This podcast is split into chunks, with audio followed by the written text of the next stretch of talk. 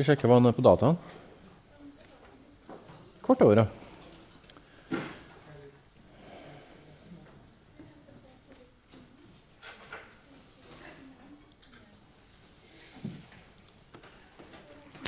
Uh, ja, vel møtt til ny forelesning. Det er hyggelig at uh, noen tør å dukke opp igjen til sist. Uh, I dag er Luthers teologi, og det er jo veldig Det er veldig mye å bruke en hel forelesning bare på én fyr. Og på ja, kanskje 30 år av kirkehistorien. men siden det nå er 500-årsjubileum siden reformasjonen uh, starta. Litt avhengig av hvordan man regner oppstarten på reformasjonen. Når vi feirer 500-årsjubileum rundt omkring i Europa i år, da, så kan det kanskje forsvare at vi bruker en hel forelesningstime på Luther. Og ikke bare skal vi bruke det på Luther, men vi skal bruke det på Luthers teologi. Og det er jo et nokså sånn smalt felt i, i kirkehistorien. Da. Det er jo det som går på lære innholdet i Luthers um, tenkning. da. Um, men jeg skal prøve å koble den til litt sånn større begivenheter. Og til det som uh, skjer politisk rundt omkring Luther når han trer frem og starter reformasjonen. Uh, som på mange måter blir en slags revolusjon også. Uh, så det skal vi se på, da. og så, Sist så eh, rakk dere vel opp hånda og spurte litt underveis. Det må dere gjerne gjøre i dag òg. Så kan jeg liksom ha litt følelse om ei eh, berøring med, med, noe dere eh, henger med på, eller ei. Så rekk gjerne opp hånda hvis dere har lyst til å stille spørsmål underveis. da. Ja, jeg prøvde å laste ned et bilde her, som det var veldig vanskelig, så derfor så måtte jeg legge inn en link isteden. Um, ja, dere har tre bøker på pensum uh, hvor dere kan lese litt om reformasjonen og Luther. Det er bare to av dem uh, som er på pensum om reformasjonen og Luther. Da, og Det er den bitte lille her. Og den store her til Tarald Rasmussen og Einar Thomassen. Uh, Tarald har jo reformasjonen som sitt spesialfelt, så her er han ordentlig på hjemmebane når han skriver de kapitlene. Og I tillegg så skriver Linda Woodhead om Luthers reformasjon. Eh, de få sidene om uh, Luthers reformasjon hos Linda Woodhead er ikke på pensum. Men uh, de er ganske morsomme. Altså. Som sedvanlig så er han også sånn fokusert på det politiske, maktaspektet ved teologien. Og så er hun også mer fokusert på kjønn. da. Ja, Tarald tar litt opp det. Um, Peter Marshall tar det i liten grad. Denne boka er også veldig liten, da, så den er veldig fort gjort å lese. Uh, så jeg skal hente opp noe av det hun sier om kjønn i forlengelsen av Luthers reformasjon uh, på slutten av forelesninga i dag. Da. Det er også kvinnedagen, så det blir et lite ekko i den anledning. Men det er også et veldig viktig perspektiv på reformasjonsforskning som har kommet mer og mer i de senere år. Da. Så det. Da skal vi se på det hellige tysk-romerske riket. Altså, grunnen til at jeg fant fram de bøkene, er at Peter Marshall er opptatt av at når reformasjonen skjer i Tyskland eller Det hellige tysk-romerske riket, som det kalles, um, så er det fordi det er en svak politisk enhet. En løs sammenraskning uh, av forskjellige territorier styrt på forskjellig vis og bundet sammen under en keiser som velges av de folkene. Og det gir en annen maktbalanse, det gir mindre sentralmakt enn i de uh, store nasjonalstatene som vokste frem på den tida der. Først og fremst Spania og England. da. Unnskyld, ikke Spania og England. Spania er en del av det tysk-romerske. Eller det er et kongedømme. Selvfølgelig som styres uh, nokså um, som en nasjonalstat på den tida, men som jo underlegger samme keiser rundt 1520, når Karl 5. tar over. Så da blir Spania en del av det tysk-romerske riket. Men han som er keiser i det tysk-romerske riket, blir også konge i Spania. så de kobles nokså tett. Karl 5. heter han. Han blir altså, han blir altså um, konge over Østerrike, keiser over det tysk-romerske riket. Uh, han arver Nederlandene som privatformue, og han tar over som konge over Spania i, eh, da, når han er 15 år. Og da blir han verdens mektigste mann gjennom tidene. Og Til det tysk-romerske riket så uh, hører også Nord-Italia. da. Uh, Riktignok er en del av de virkelig rike byene hvor den økonomiske makta sitter, sånn som Venezia, de er um, ikke direkte underlagt uh, landområdene, men de er likevel knytta til keiseren over det tysk-romerske riket. Man skal ikke få se det tysk-romerske riket her. Nei, her kommer vi til Luthers foreldre. Må vi vente litt nå. Hvordan får man opp det her, da?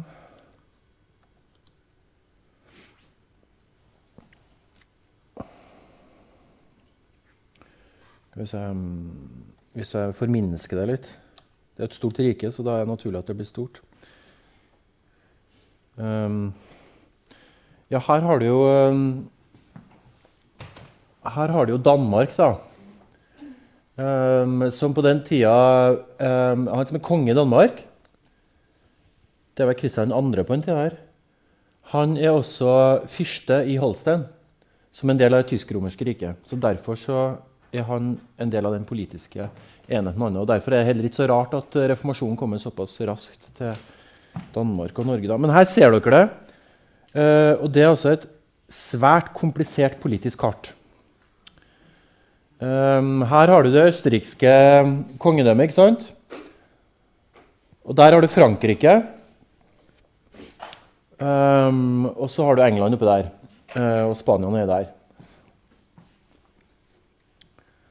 Og I uh, Frankrike og England så har kongen begynt å ta makt over kirka. Presse kirka til å betale skatt.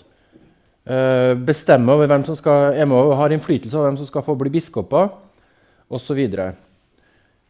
I Tyskland så har uh, de verdslige fyrstene liten makt. Der har paven fortsatt makt fordi den politiske enheten er så spretta.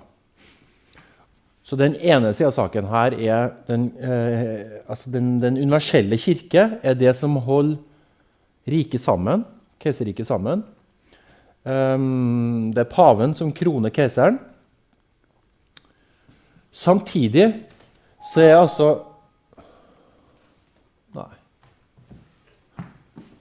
Samtidig så, er, uh, så har keiseren ikke den samme makta over sitt område som kongen i Frankrike har over sitt område. Fordi dette er et føydalrike. Det betyr at de som eier jord, har makta over den uh, jorda og de som er på den.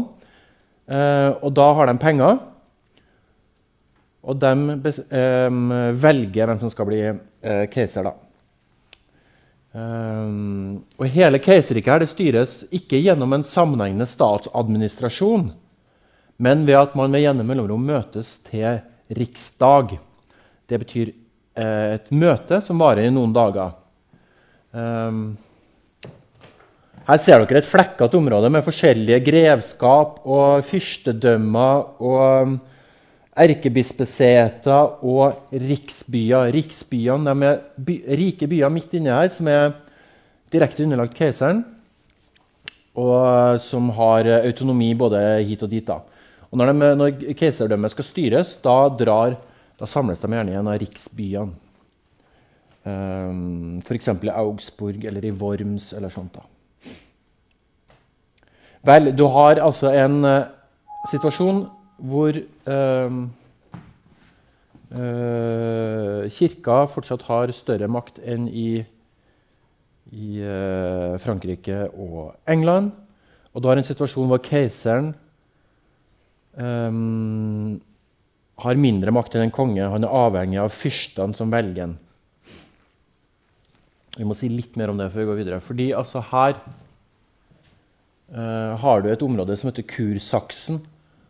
Uh, det så ikke akkurat sånn ut på Luthers tid, da, men ikke langt uh, unna heller. På Luthers tid så var jeg delt. sånn Kursaksen var her, og så var den andre saksen der.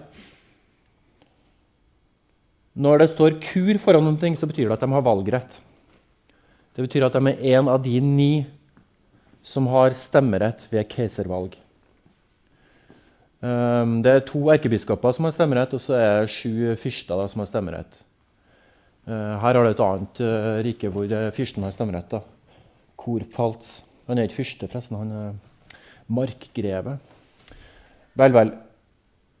I korsaksen sitter Fredrik den vise.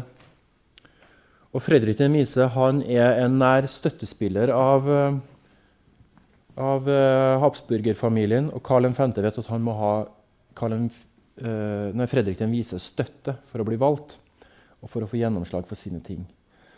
Og uh,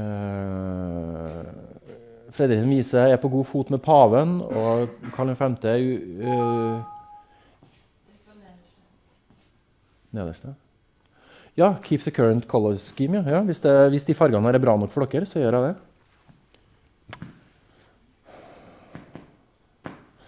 Ja, Karl 5. kan ikke stole på at han får pavedelegatene, altså erkebiskopene, sin stemme, så han er avhengig av kurfyrst Fredrik, som sitter oppi der. Og her er Wittenberg, da, ikke sant? Um, Wittenberg er egentlig en fattig eh, by ute i åkeren. Men den ligger langs en elv, så det er en handelsrute her. Og det er noen eh, bergforekomster her. Så Fredrik den vise bestemmer seg når han, han arver Fredrik den vise, han arver halve Saksen fra faren. Og så, siden det er det fattigste Saksen, uten Leipzig og Dresden og Meissen, så, seg, så, så får han stemmeretten da, på keiservalget. Og det er jo sånn at Hvis du lover en keiser at du skal stemme på han i keiservalget, så uh, må han gi deg masse bestikkelser, og så blir du rik. Så den uh, uh, kurverdigheten, den er verdt noen ting, da. Og den kurverdigheten bruker han til å bygge opp Wittenberg til sånn renessanse, en renessanseby med et vakkert slott, en vakker kirke, og med Europas fineste samling av relikvier. Så det blir altså et pilegrimsmål også, da.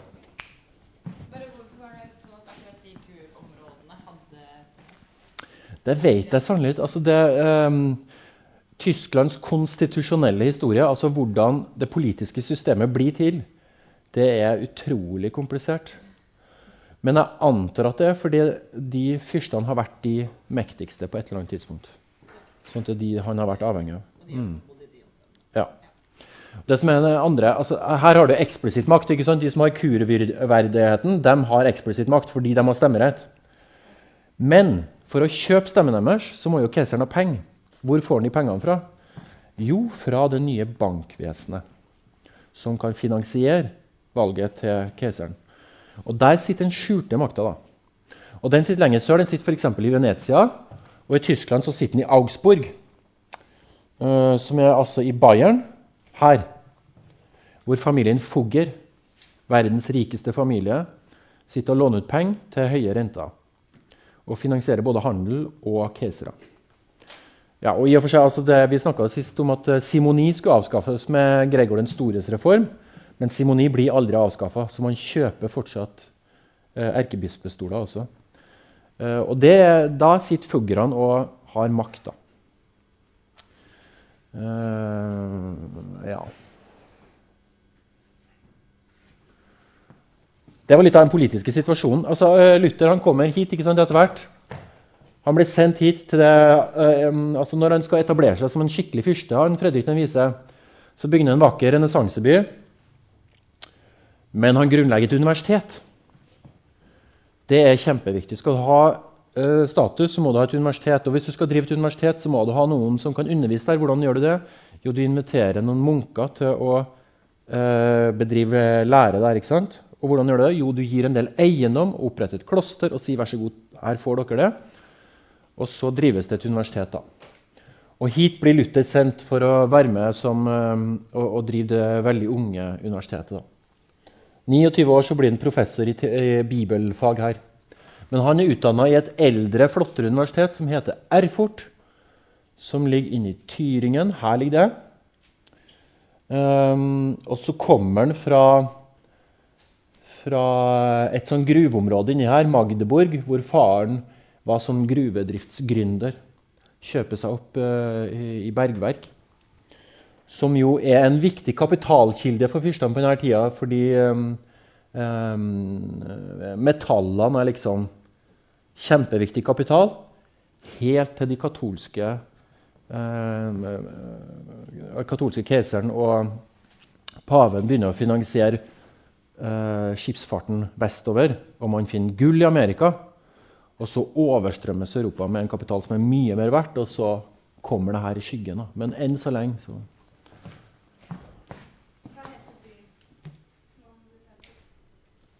eh, Wittenberg. Wittenberg. Mm, dit blir den sendt. Erfurt er et eldgammelt, flott universitet. Her er de progressive. Så her driver de med det som heter via moderna, nominalisme. De tenker om teologien og vitenskapen sånn som William og Occam tenkte. som vi fortalte om i forrige time. Så den tradisjonen læres Luther opp i. da. Um, han kommer altså fra, fra Mansfelt oppi her. Her er de der gruveområdene, som er et eget grevskap, selvfølgelig. Og så um, vet de her gruvefolkene at det man trenger i en familie hvis man skal gjøre det bra i business, det er en jurist. Så Luther sendes ned for å studere juss. Det går kjempebra. Han er jo flink på skolen. Um, han er med i sånn Burschenschaften, hvor de har sånne drikke- og fektekvelder. Og sånt. Og en kveld er han ute og, og vandrer, og da stikker han seg i hovedpulsåra i låret med korden sin. Så han holder på å blø i hjel. Og ikke lenge etterpå så skal han eh, reise tilbake til, til boligen sin, og da blir det torden. Og hvem kan redde en stakkar fra torden annet enn Sankt Anna, eh, gruvearbeidernes beskytter? Så han ber til Sankt Anna berg meg fra det tordenet. fordi naturen har jo mening. ikke sant? Det er jo tilfeldig at det er torden. Det er jo noen som er ute etter å ta ham. Berg meg fra det tordenet, så skal jeg gå i kloster.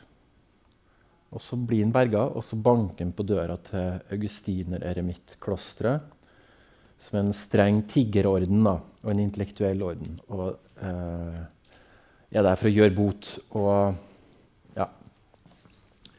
Sies at han er vokst opp i en veldig from familie, at mora var veldig opptatt av, eh, av eh, bot og fromhet og mystikk, og sånn, og at han har vært tett i berøring med det lenge. da. Men det er liksom den utløsende faktoren. Tordenværet. Da blir Luther Munch. Nå må vi over til powerpointen her.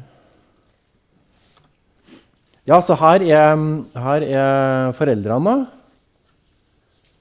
Nå husker jeg hva farten hva de foreldrene het, men de het i alle fall Luder til etternavn.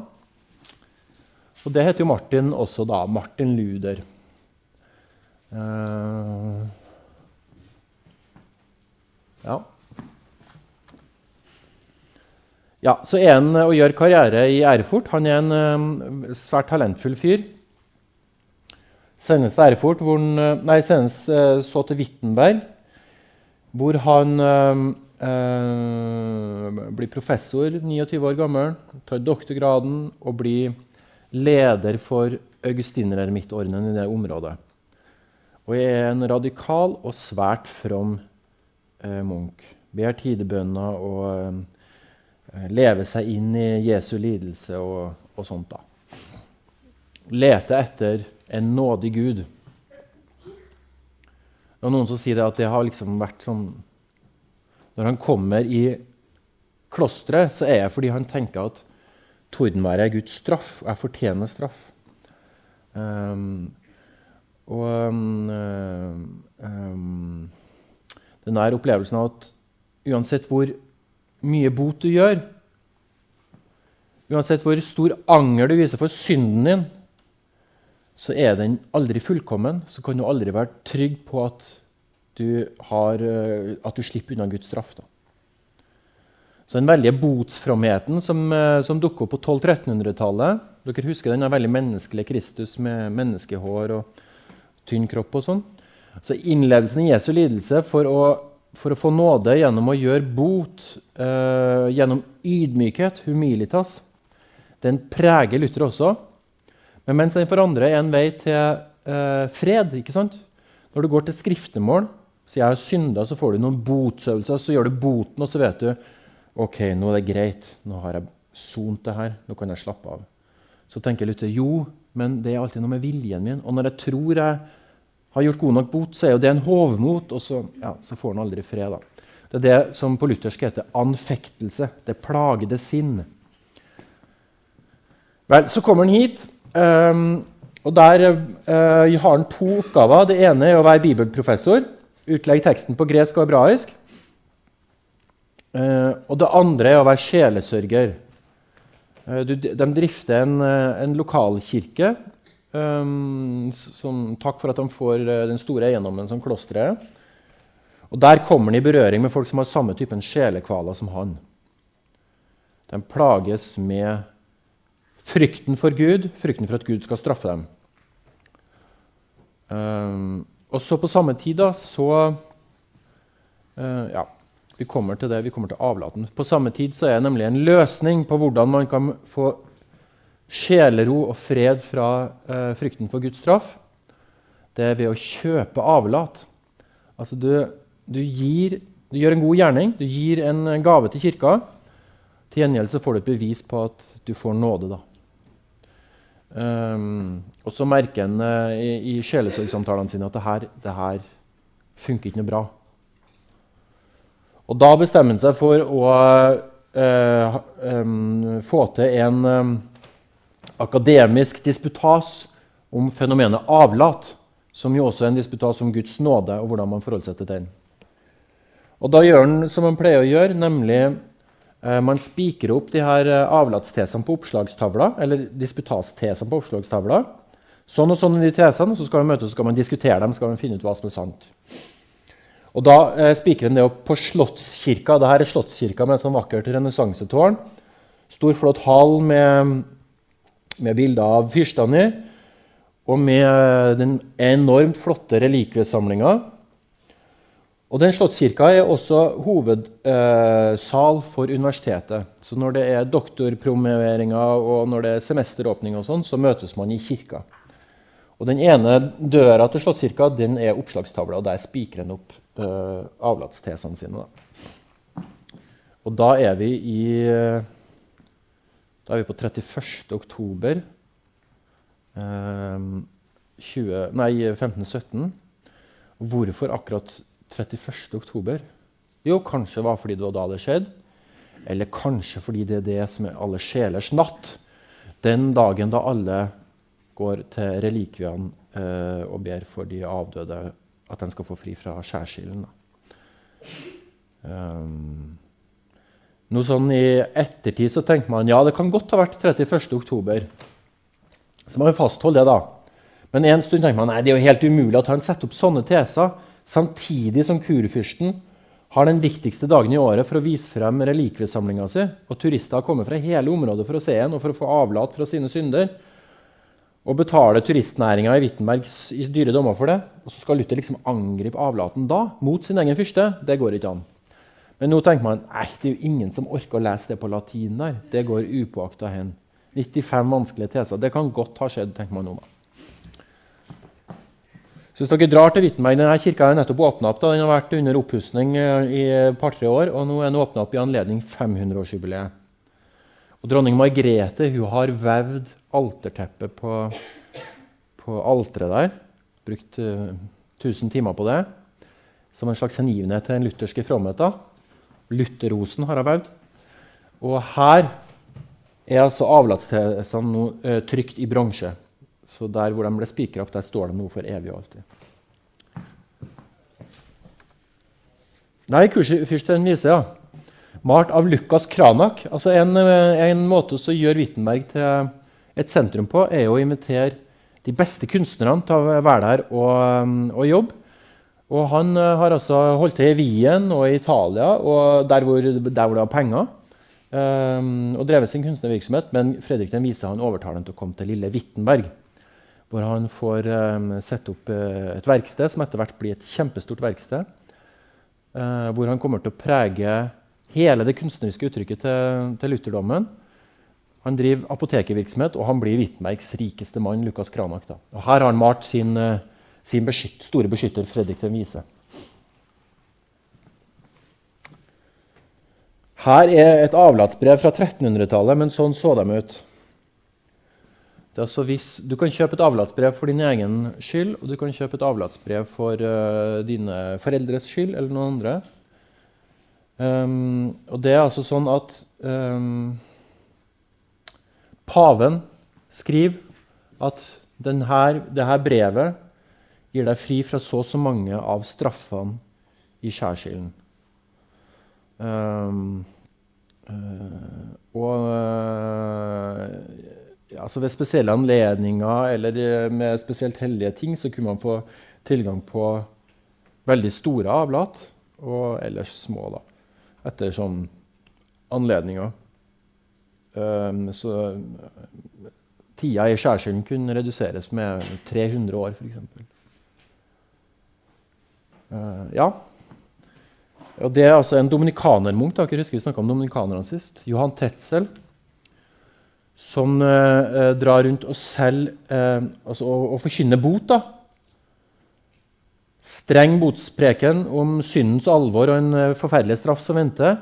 Og samtidig selge avlatsbrevene for å lette sjelene. Um, og Slagordene er 'Når pengene i kassen klinger, sjelen ut av skjærsilden springer'. Og Han hadde altså kommet til Wittenberg på denne tida og føyk rundt og solgt avlatsbrevene. Og Luther opplever jo at det her plager sjelene, og det er falsk. Man får jo ikke tilgivelse av å kjøpe de greiene her. Men um, Johan Tetzel han, um, han opererer på vegne av erkebiskop Albrecht av Brandenburg som er en kjempeviktig adelsmann, både en verdslig fyrste og en biskop. Og Han hadde altså kjøpt bispestolen sin i dyre dommer fra foggerne, og det måtte han betale tilbake. I tillegg så går jo en, del, altså en stor del av eh, royaltiesen fra avlatsbrevet går til paven, som skal bygge den nye Peterskirka. Den er under oppføring. da. Så her er det trøkk på avlatshandelen.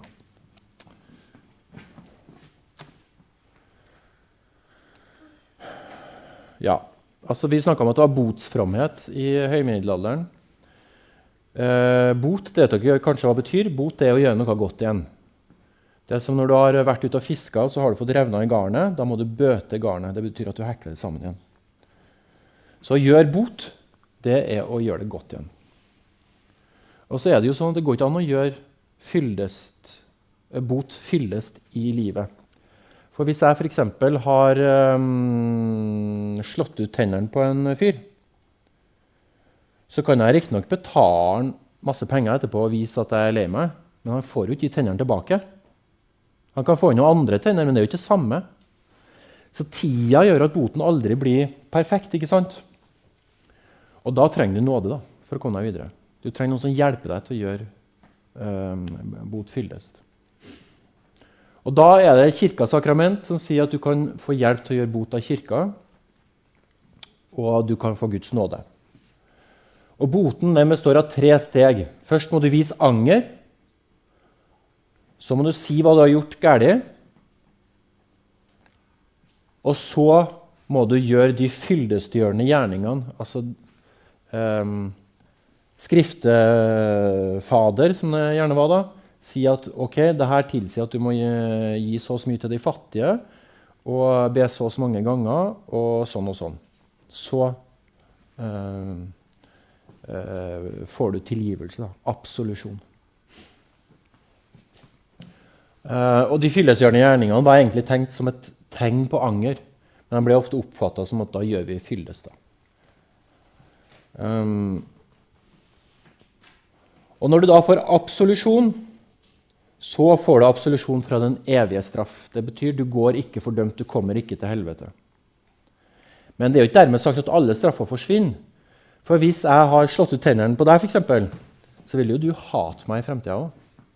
Så du vil jo plage meg. Ikke sant? Og hvis du sier det går greit, så vil kanskje kompisen din komme. Eller faren din. Eller jeg får et rykte på meg at jeg er en eh, aggressiv type, og dermed får jeg ikke meg jobb. Så synden forfølger meg. Det er de timelige straffer. Altså de som hører til denne verden. Men så er det sånn at av og til så er denne verden ikke rettferdig. Så jeg får ikke all den straffa jeg fortjener uh, for syndene jeg har gjort her i livet. F.eks. hvis jeg har vært grisk og smugla og stjålet, så kan det være at jeg beholder formuen min likevel, fordi verden er urettferdig. Men tilværelsen er ikke urettferdig fordi de straffene de gjenstår i hinsidigheten. Det du ikke har sont her, det må du sone etterpå. Det er skjærsilden. Så den timelige straffa, den utestår. Og den er det man kan få avlat fra, for det er den som sones i skjærsilden. Hvorfor kan man så få avlat? Avlat det kommer av indulgentia. Eh, latin mildhet, avlastning. Vi, avlat høres så, så, så, trasig ut for oss. ikke sant? Vi liker ikke klangen men det er egentlig det er et godt ord. da, Det er mildhet. Ok, I stedet for å bli piska i 200 år i himmelen, så betaler jeg 200 kroner nå. Det er mildhet, ikke sant? Um, ja. Og så er det, Hvorfor kan man da gi som mildhet? Jo, fordi kirka har en skatt til Saurus Eklesie. Fordi i kirka opp gjennom historien så har det vært så mange gode mennesker som har altså, tippa regnskapet i motsatt retning. For de fleste av oss er jo sånn at vi gjør mer galt enn vi gjør godt. Og det må vi bøte for. Eller vi må sone for det. Men de hellige, derimot, helgenene og sånt, for dem var det motsatt. Og den som det først og fremst var motsatt for, var jo Kristus. Der var det et enormt overskudd av gode gjerninger. Og de, det overskuddet forvalter Kirka, som er Kristi kropp, på jorda. Um, og kan dele ut av sin godhet.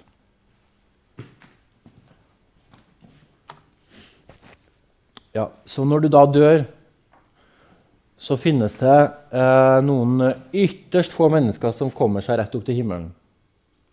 Så finnes det noen ytterst få mennesker som fyker rett ned i helvete. For de aller fleste så er det sånn som oss. Det er litt sånn mikst. Kanskje et lite underskudd. Men helt forferdelige er vi ikke. Og helt gode er ikke vi heller.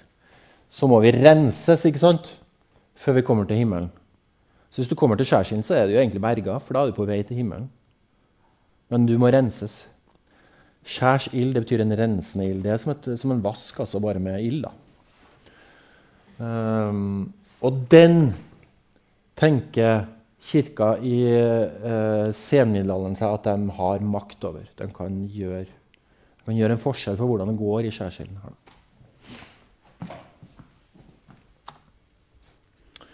Ja, og det er det Luther angriper. da. Og når han angriper det, så angriper han også den kirkelige økonomi og myndighet. Albrecht av Brandenburgs økonomi, pavens økonomi. Og så angriper han eh, en kosmologi. Hvordan, eh, hvem er det som har makt i forskjellige sfærer i tilværelsen? I skjærsilden og himmelen og sånn. Og så angriper en fortolkningsmyndigheten. Hvem er det som bestemmer over disse tingene? Over synd og straff. Vi skal dvele litt ved ved avlatstesene, fordi de er veldig morsomme. og fordi det er jo dem eh, som ble spikra opp i 1517, så det er jo dem det er 500-årsjubileum for i år. Um, og Første tese den lyder som følger. Da vår Herre og Mester Jesus Kristus sa 'gjør bot', etc., ville han at hele den kristnes liv skulle være bot. Det er jo starten på Markusevangeliet. ikke det? 'Venn om' og 'tro på evangeliet' er det første som sies der. Og det I den latinske oversettelsen så i stedet for 'venn om' så står det 'gjør bot'. Og Her går han altså imot avlat med å gjøre ting vanskeligere. Det handler ikke bare om en liten del av livet hvor man skal gjøre bot, men alt er bot. Det er ydmykhetsfromheten. Det er liksom via moderna, nominalismen eh, tiggermunkens fromhet. Hele livet skal være bot. Så går vi litt videre. Så angriper han hvem som har makt over det her. For han sier det her eh, Om man får ettergitt straff eller skyld, det kommer an på noen andre.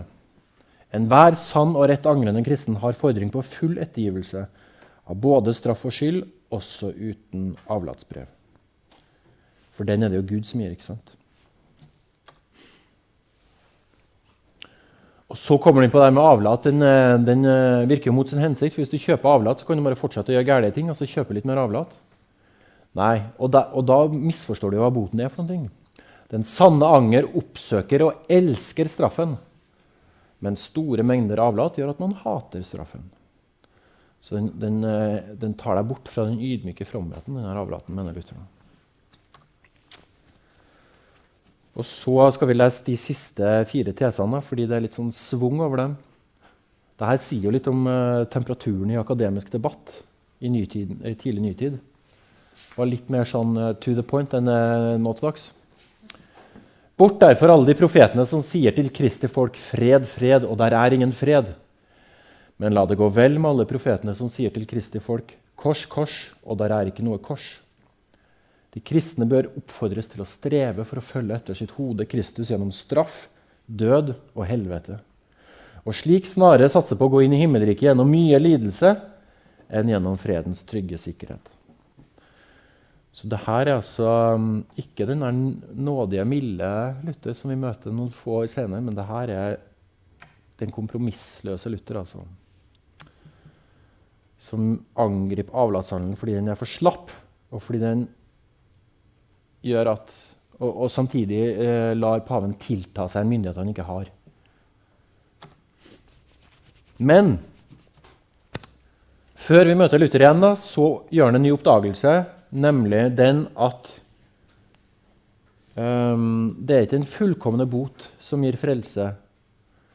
Uh, det er ikke en fullkomne ydmykhet og etterfølgelse i lidelse som gir frelse. Frelsen den får du av ufortjent nåde. Da leser han, han sitter og leser i Romerbrevet, da, skal forelese om Romerbrevet, og så finne ut at i Romerne 1,17 som øh, Så står det om Guds rettferdighet. Og før han tenker Guds rettferdighet den er en som først gir det man trenger for å bli rettferdig, og så, og så dømmer han deg rettferdig etterpå. Men nå skjønner han nei, Guds rettferdighet er en som gis, sånn at du blir ansett som rettferdig, selv om du er en synder. Og så får du tro som følge av den gaven. Peng! Da slapper han mer av. da. Og Da bytter han navn fra Luder til Luther som betyr evlev, som er en sånn uh, tyskifisering av det greske evlevtrios, den befridde. Veldig vanlig blant humanistene å ta sånne greske navn for å vise at han kunne gresk og, og, leve seg inn i stoffet sitt. Så han kaller seg Luther, den befridde. Så han går fra eh, en uh, kritikk i 1517 som handler om en innskjerping av botsviljen, kritikk av pengesymbolikken, en relativisering av kirkerarkiet til et helt sånn systembrudd når det nærmer seg 1520. Ny forståelse av synd, ny forståelse av frelse. Og Dit kommer han til dels gjennom at han sitter eh, og jobber med Bibelen og finner ut at rettferdighet er annerledes å forstå. Men også fordi han etter avlatsdisputasen, eller avlatstesene innkalles til nye disputaser, hvor han må eh, forsvare sitt syn, til dels overfor ordensbrødre da, i Heidelberg og til dels overfor eh, kardinal Kaitan i, i, Leipzig. Og Da drives han fra skanse til skanse, og så skjønner han det må tenkes helt annerledes. Og så får han en mer sånn kompromissløs, renskåren teologi, da, som vi skal se litt mer på etter hvert. Men det der med frihet Lautrios, Luther Det skriver Linda Wooded også. Frihet det blir liksom slagordet for, uh, for uh, de som venner seg til den reformatoriske kristendom. Og frihet er også et slagord for Luther. Vi skal se at den friheten er nokså relativ, da, men dveler litt ved, Oi, har jeg skrevet feil? Ja, Jeg får overse den trykkfeilen her. Dveler litt ved uh, begrepet frihet hos Luther. Um, så når Luther har uh, publisert de her tesene, så får han masse oppmerksomhet. Og En av grunnene til at han får så stor oppmerksomhet, er at um, tesene publiseres. Vi så en, et trykk på latin, men det som er litt radikalt, er at de, det tror jeg uten Luthers vilje, de oversettes til tysk og trykkes og sendes rundt. Og Dermed går det fra å være en, en uh, disputt innad i akademia altså Det finnes akademisk frihet i den pavelige Eh, kirkelige systemet. Der kan man ha utveksling så lenge det skjer blant de lærde, og så avklares det. og så snakker man om det. Men det, frem til det er avklart, og så lenge det eh, skjer blant de lærde, så gjelder den akademiske friheten. kan man si masse rart. Det radikale er at nå involveres jo offentligheten fordi det trykkes. Og så er det en, en uh, skotsk historiker som heter Andrew Pettigree, som var, um, holdt foredrag ved åpninga av universitetets reformasjonsmarkering nå i januar.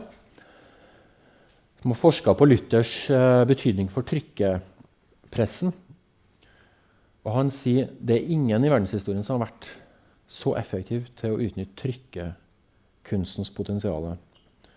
Uh, med en gang han ser hvordan dette funker, Luther, så begynner han å, å, å, skrive. Og han passer på å fordele skriveoppdragene mellom forskjellige trykkerier i Wittenberg. På kort tid så dukker det opp flere og flere av dem. Um, og han er svært nøye med å, å sikre at han, at han, skriver poengtert, polemisk, tabloid, sånn at det er lett å lese det, og spenstig og gøy. Han er veldig opptatt av at skrifta skal se lekker ut. Han bruker flotte eh, illustrasjoner fra Lukas Kranak og andre. Og tar ikke noe betalt for uh, oppdragene sine. De, de trykker uh, altså, De trenger ikke betale royalties. Da. Og dermed sprer det seg enormt fort. Da. Og han sier at uh, I 1520 eller 21 så altså Trykkekunsten er jo nokså ung. ikke sant? Så på et tidspunkt så er det sånn at det er flere Luther-trykk som er trykt i verden, enn alle andre trykk til sammen. Og det går altså eh, over noen få år. da.